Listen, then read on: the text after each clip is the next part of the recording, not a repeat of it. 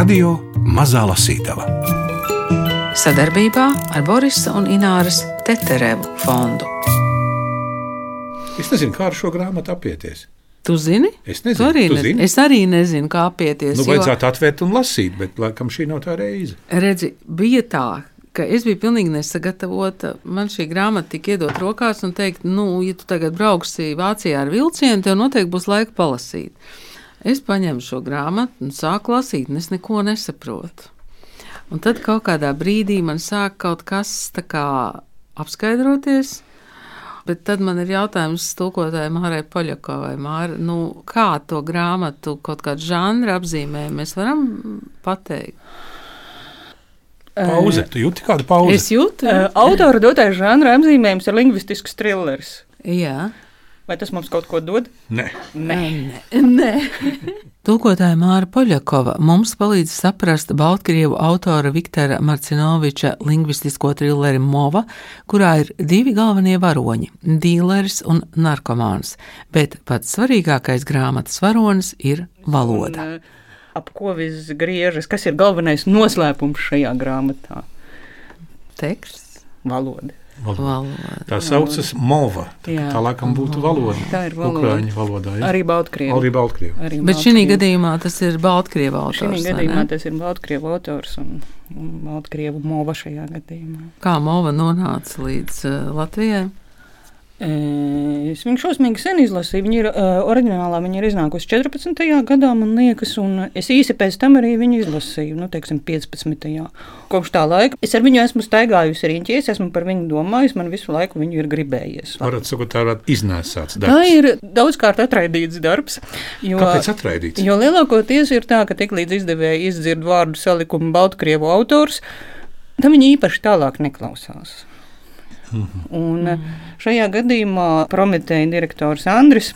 Viņš bija tik ārkārtīgi drusmīgs, ka nenobijās tieši no šāda vārdu salikuma. Kaut arī viņš līdz šim nav nevienu, ne tikai Baltkrievu, bet arī nevienu Ukraini nav izdevis. Viņš vienkārši ņēma un riskēja. No Es sāku lasīt no sākuma. Es nesāku lasīt pēdējo vāciņu, vai ne? Jo pēdējā vāciņā ir rakstīts, ir 4741. gads pēc 4000? ķīniešu, pēc ķīniešu kalendāra.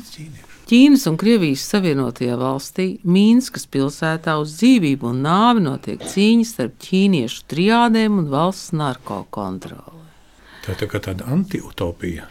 Nu, Māra kā? E, Es teiktu tā, ka, ja mēs atrastos tajā 4047. gadā pēc ķīniešu kalendāra, tad baidos, ka tas varētu būt sūrs realisms.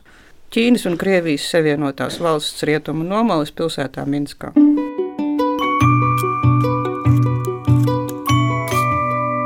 Ziniet, kā man likās, ka fantastisks uh, fragments ir par Šekspīru. Es Tāds vēl Ķīnā ir pazīstams. Lūk, Lūk, lūk, tas ir labs jautājums. Jo tūlīt, tūlīt, tūlīt, tūlīt es tūlīt tad viņš tā. Un nodaļa saucas Dīleris. dīleris. Dīlers. Ķīnieši mēdz teikt, ieskumīgs prāts, skaiti naudu. Vai varbūt mums tikai iestāsta, ka ķīnieši tā sakot? Es ķīniešu valodu nezinu, tāpēc ne par ko nevar būt drošs. Nekāda nauda, ko varētu skaitīt un tādējādi atbrīvoties no stresa, man dzīvoklī nekad neaizķers. Tāpēc nolēmu pārskaitīt papīriņus ar polijā nopirkto movu un pie reizes to noslēpt. Parasti es tīstokļus sabāzu starp mājās visur biezā slānī izmētāto žurnālu lapām. Ja pie manis tiktu sarīkota profilaktiskā kratīšana, ko nu, pietiktu izstaigāt kāpņu telpu ar skeneri un viņi vienā mirklī atrast visus manus dārgumus. Tomēr zilās actiņas un teicamnieka ģīmis ir mana vislabākā aizsardzība. Neviens nekad nedomās nav pieļāvis, ka tik pozitīvs cilvēks kā es varētu savās mājās slēpt aizliegtus fenomenus. Ar pašapmierinātu smaidiņu paņēmu mugursomu un vēlreiz uzmanīgi aplūkoju āķa izrauto caurumu. Vajadzēs aizlāpīt, jo manta ir firmas un nav nekāds lētucis. Atvēru un iebāzu roku, lai izņemtu lapiņas. Pirksti, kuri brīnišķīgi pārzina visas manas uzticamās ceļa biedras iekšas, pēkšņi uzdūrās kaut kam cietam ar asiem stūriem. Tādu mantu es tur liekas nebiju licis. Kas tas ir? Satvēru, diezgan smags.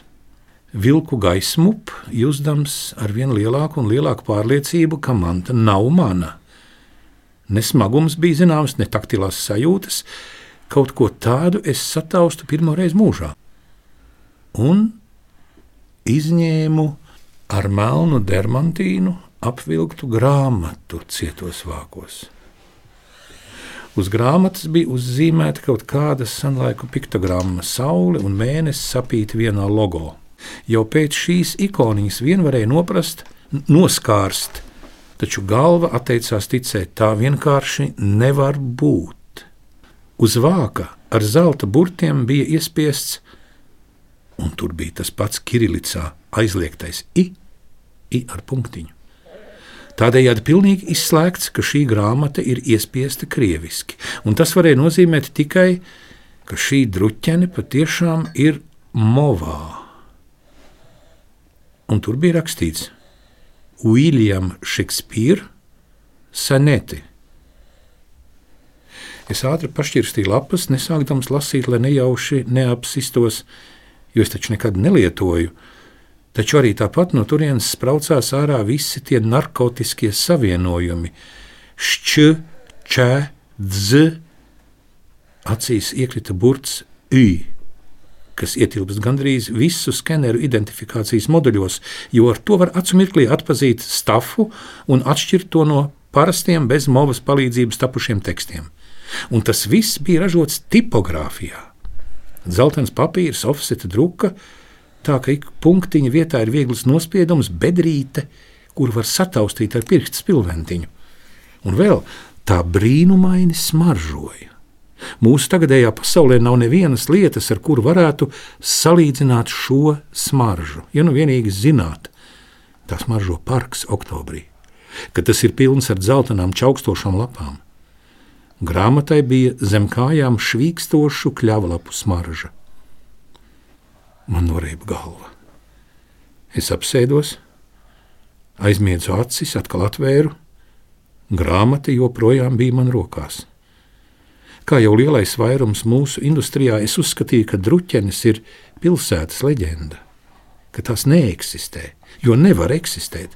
Jo, ja tās kādreiz ir eksistējušas, tas nozīmē, ka tas, ko es riskādams ar nāves sodu tirgoju, agrāk nav bijis aizliegts ka mova tik tiešām, kā apgalvo daži pilsētas trakie, reiz ir bijusi cilvēku ikdienas komunikācijas līdzeklis. Tajā sazinājušies parasti cilvēki, nevis neglābjami džankiji. Puh, slap, nu jau sāk smurgi. Nevajag izdarīt secinājumus. Ar secinājumiem man vienmēr ir gājis grūti, jo no dabas nesmu diezgan cik gudrs. Runāsim par to, kas te ir. Un te ir druķene. Es uzšķīru pēdējo lapusi, Tur bija norādīts skaitlis 204. Tātad man rokās ir priekšmets, kas satur 204 lapus teksta, un katra no tām maksā apmēram 5000 juāņu. Ja vienkārši sareizina pirmo lielumu ar otro, iegūstam 1 miljonu 20 tūkstošus jauno juāņu. Taču runā par druķenēm. Nu, tas ir runā tie tupeņi, kuri vispār kaut ko saka par druķenēm. Nu, jā, nu tad viņi runā, ka to cenu meldajā tirgu aprēķina pēc progresijas principa. Viena lapus 5000, divas desmit.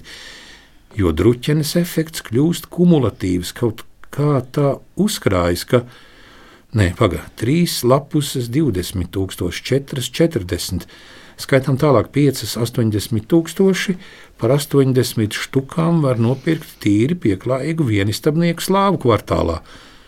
Tā, un par sešām lapusēm, pagaidi, tūlīt noskaitīšu. Nu, re, par šīm sešām lapusēm var iegādāties studijas tipa dzīvokli Greenwich Village'ā ar porķē apsardzi un iespējams personisko liftu. Es piesēdos pie klaviatūras un mēģināju kaut aptuveni aprēķināt šīs grāmatas vērtību, taču jau pie 20. lapuses skaitlis izlīda ārā no kalkulatora garā lodziņa. Man līdzās atradās priekšmets, kura cenu ar vienkāršu aritmētiku nebija iespējams noteikt. Biju absolūti pārliecināts, ka visās mūsu Ķīnas ziemeļrietumu teritorijās esmu vienīgais druķenes īpašnieks. Starp šiem simt miljoniem iedzīvotāju otra tāda nav. Varbūt tas man rādās sapnī. Palūkojos uz savu dēlu. Ķīnieši mēdz teikt, kad neesi drošs vai neguli, paskaties uz atvērtu plaukstu, jo parasts cilvēks ar vēlēšanos vien pa sapņiem to nespēs paveikt, ja viņš, protams, nav šamanis. Vai varbūt mums tikai iestāsta, ka ķīnieši tā sakot? Es redzu dēlnu. Vai tas nozīmē, ka šis nav sapnis? Līdz šim man nereizi dzīvē nebija gadījusies situācija, kad vajag apstiprināt realitāti un noskaidrot, vai tā nav sapnis. Iegrim domās. Pagaid, ja reiz šis nav sapnis, tad no kurienes uzradusies grāmata? Šajā reizē Varšavā tiešām biju daudz vārījies par to, ka mani nekad nekrata. Varbūt tāpat vārījos arī iepriekšējo reizi, un reizi pirms tam. Un mani bija papētījuši nopietni džeki no tiem, kuri dzīvo Varšavas Chinatownā. No tiem, kurus nekad nedabū redzēt, un uz kuru ādas puķi neatgādina čūstus, goriničus, jo tos uztetovējuši kārtīgi meistari. Pakasīja pakausi, ķermenis atcerējās kādu gandrīz caurspīdīgu sajūtu. Sajūta, ka nešļava uz muguras pēkšņi kļuvusi nedaudz smagāka. Tikai kur īsti tas bija? Un vai šajā reizē?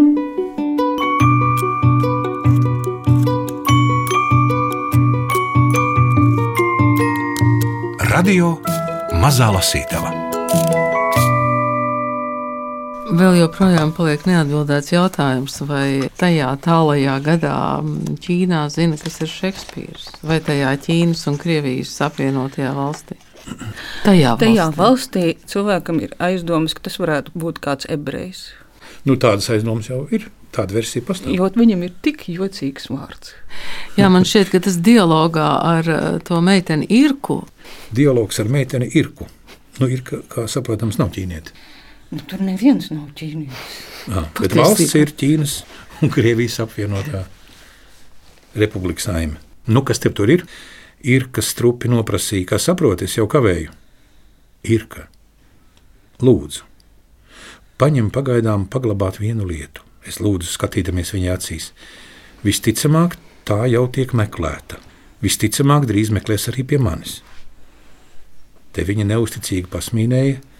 Diez kāda gan vērtīga un bīstama lieta varētu būt nonākusi pie tāda pelēka jampampiņa kā es, un ar šo vīpsnu viņa gāja man līdzi uz istabu, kurā uz galda svinīgi kā muzejā atradās melna druķene ar uzrakstu Šekspīra sanete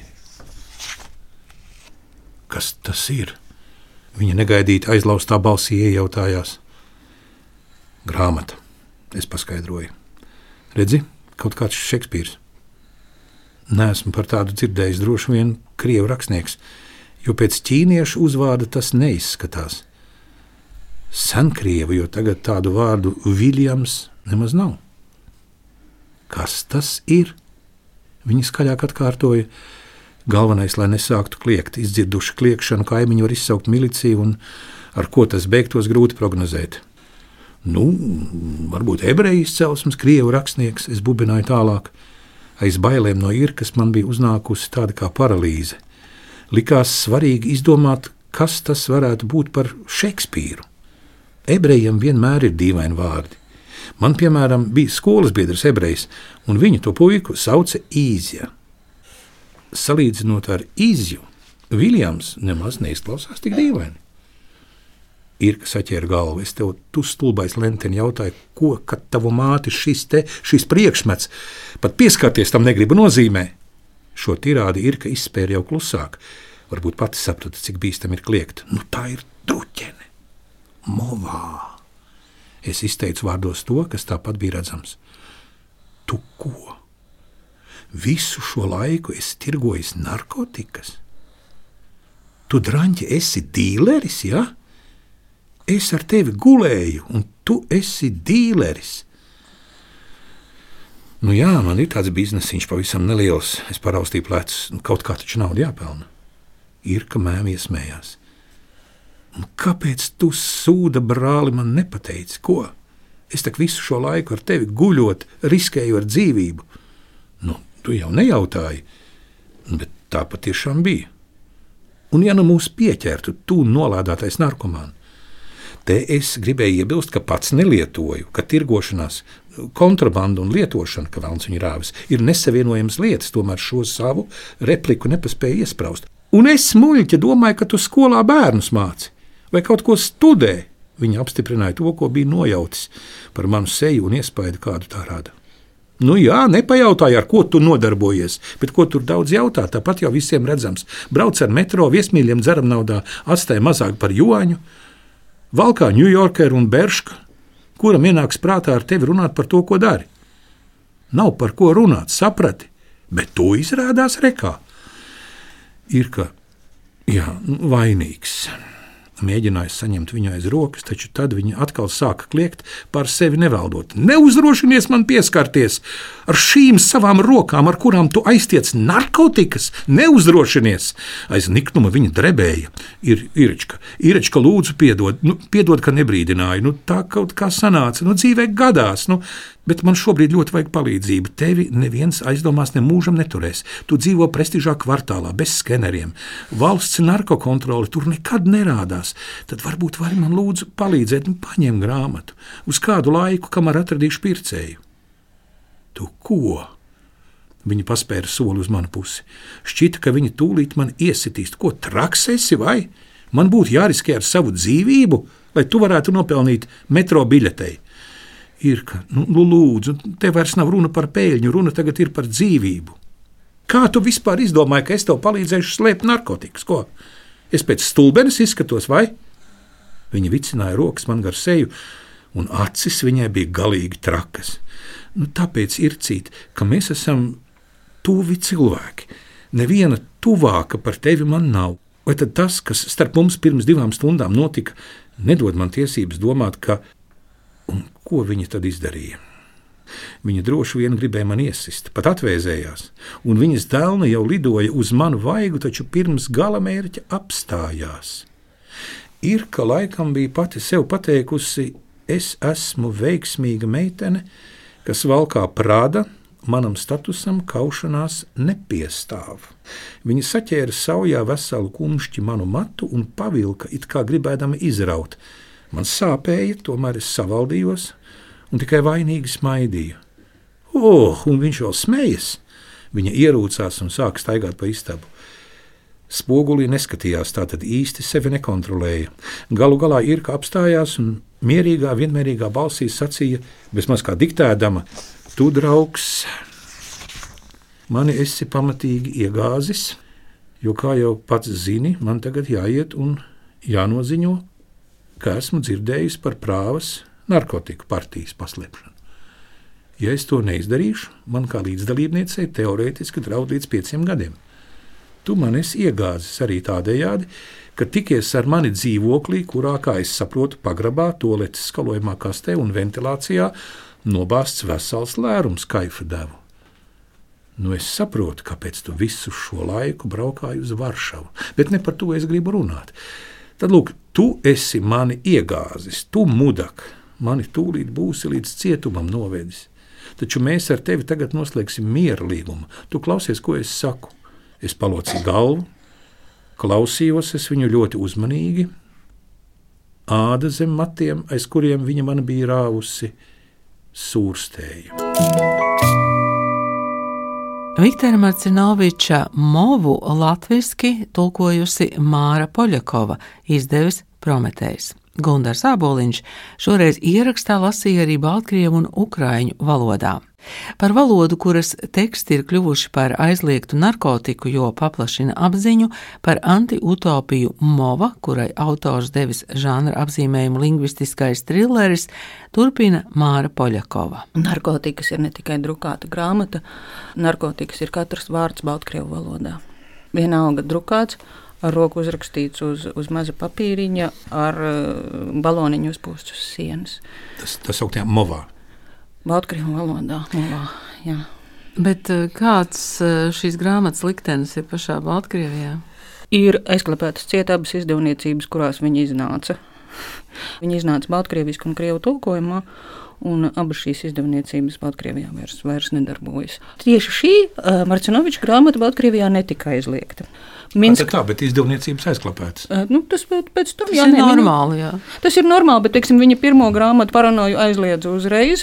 Viņa zibenīgi pazuda no, gan no veikaliem, gan no interneta, kur viņa bija izlikta.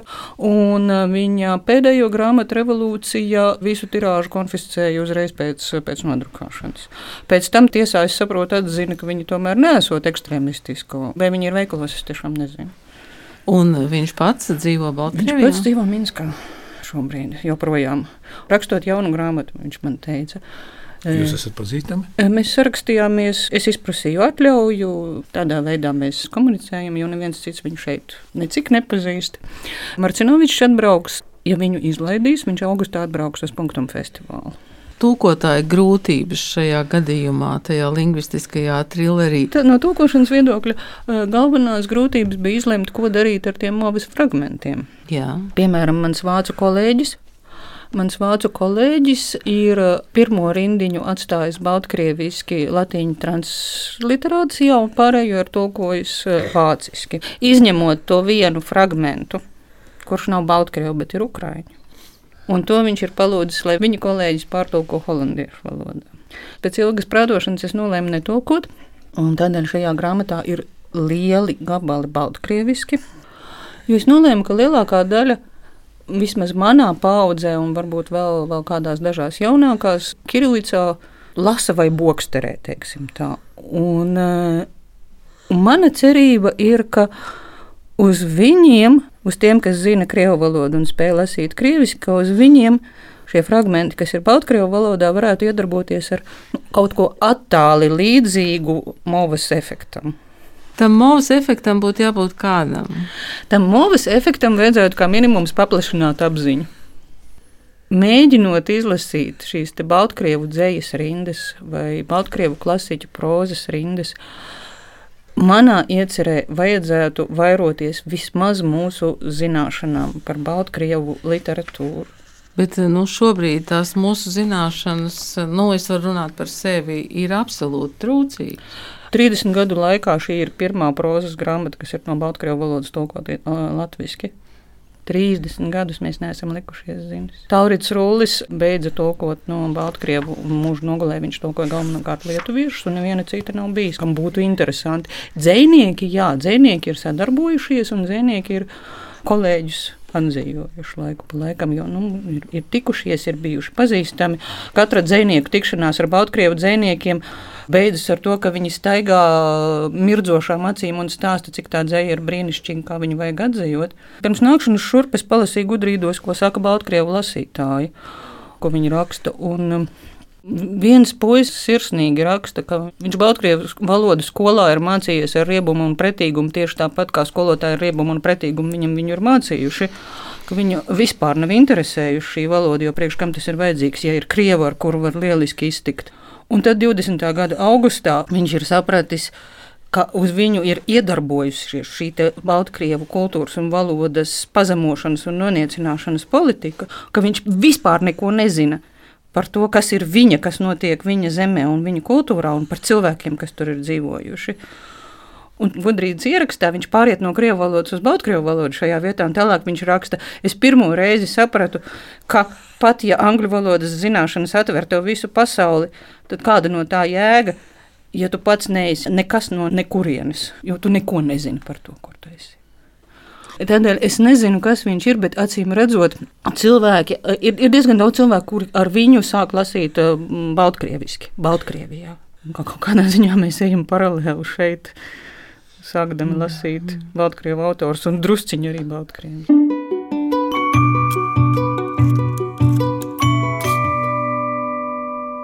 Māra Poļakova, iztulkojot no Baltkrievu valodas Viktora Marcinoviča lingvistisko trilleri Mova, paplašina mūsu apziņu. Mūsu raidierakstu un internetu klausītājiem iespēja dzirdēt arī, kā Gunārs Aboliņš lasa ukrainiski un baltkrievu valodā. Attinu papīriņu un tāpat iedams sāku lasīt. Tas bija kaut kas nesaprotams. Bērziņi, Ucigansīh rajonah, Sīņa alīna farba, на смінах шкільних і далень. Ще ввісні у жінок шкіра тепла і солона, і підіймається дім шляхами систем опалень. Циганські роді на останні згустка Шанхаю приносять додому харчі і збіжжя готове. Строками густі кілями, як і воні розпинаються. Цвяхами на голих спинах нібітило Христове. Tas ir ukrainiski. Tas uh, narkomāns, kurš ir tikko ir nopircis šo fragment, viņš arī domā, ka tas ir. Nu, viņš nedomā baltkrieviski, jo viņš nezina, kas ir Baltkrievija. Jā. Bet arī viņš neatšķir. Tad es būšu kā tas narkomāns, kurš neatšķir. Nu, pagaidām. Mēs visi sāksim atšķirt. Ну, он шість. Як скончилася праця у виконаме, я самою пильною увагу зверную на то, як істи додому разом із крайней. У дочинених да я імей пейную метовую установку. Tas ir Baltkrievijas. Tas ir baltkrieviski. Un galvenais, ka tie ir mūsu paši tuvākie kaimiņi, ar kuriem mums ir ļoti daudz kopīgas vēstures. Latgale taču bija vispirms vienā valstī, pēc tam vienā guberņā ar to, kas tagad ir Baltkrievija. Ja? Latgaliešu valodā ir tik daudz baltkrievu vārdu un konstrukciju. Es eh, sākdama lasīt baltkrieviski, es pēkšņi sāku eh, atpazīt savu bērnības latgaliešu vārdus, kur man vienmēr ir bijuši kaut kādi tādi pilnīgi buram vārdi, kurus nekad neesmu sapratusi. Ir tik daudz kopīga, un tas viss ir tik pilnīgi nezināms. Bet uh, kā tu pati sāki mācīties Baltkrievu valodu? Es, es vienkārši es sāku lasīt, es nesāku mācīties. Es- Vienkārši lasīt? Es vienkārši sāku lasīt, un man liekas, ka pat ar Marcinoviču, bet nevis ar šo grāmatu, bet ar viņu iepriekšējo ar Cizoniju Vīrai, ko, kas viņam pašam ir pirmā, ko viņš rakstīja baltkrieviski, jo viņš arī viņš sāka rakstīt krieviski. Viņa em, pirmā grāmata paranoja ir sarakstīta krieviski, un faktiski rakstīdams Cizoniju Vīrai, viņš mācījās rakstīt baltkrieviski. Tas ir tik, tik ārkārtīgi, tik neparasti interesanti.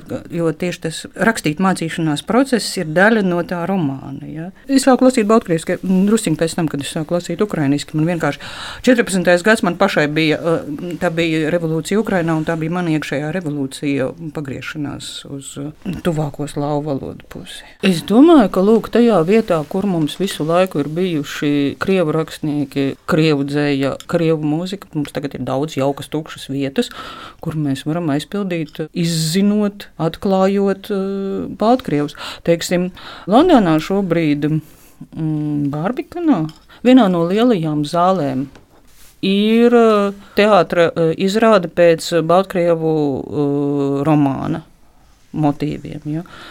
Kas, starp citu, ir tulkots latviešu. Tā karaļa Staha baismā kara draudze, viens no Taurida Rūļa brīnišķīgiem tulkojumiem. Un patiesībā varētu kaut vai sākt lasīt uh, lūk, šos aizmirstos tulkojumus, kas mums jau ir.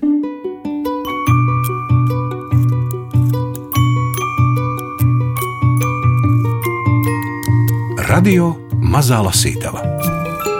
Sadarbībā ar Borisa un Ināras Teterevu fondu.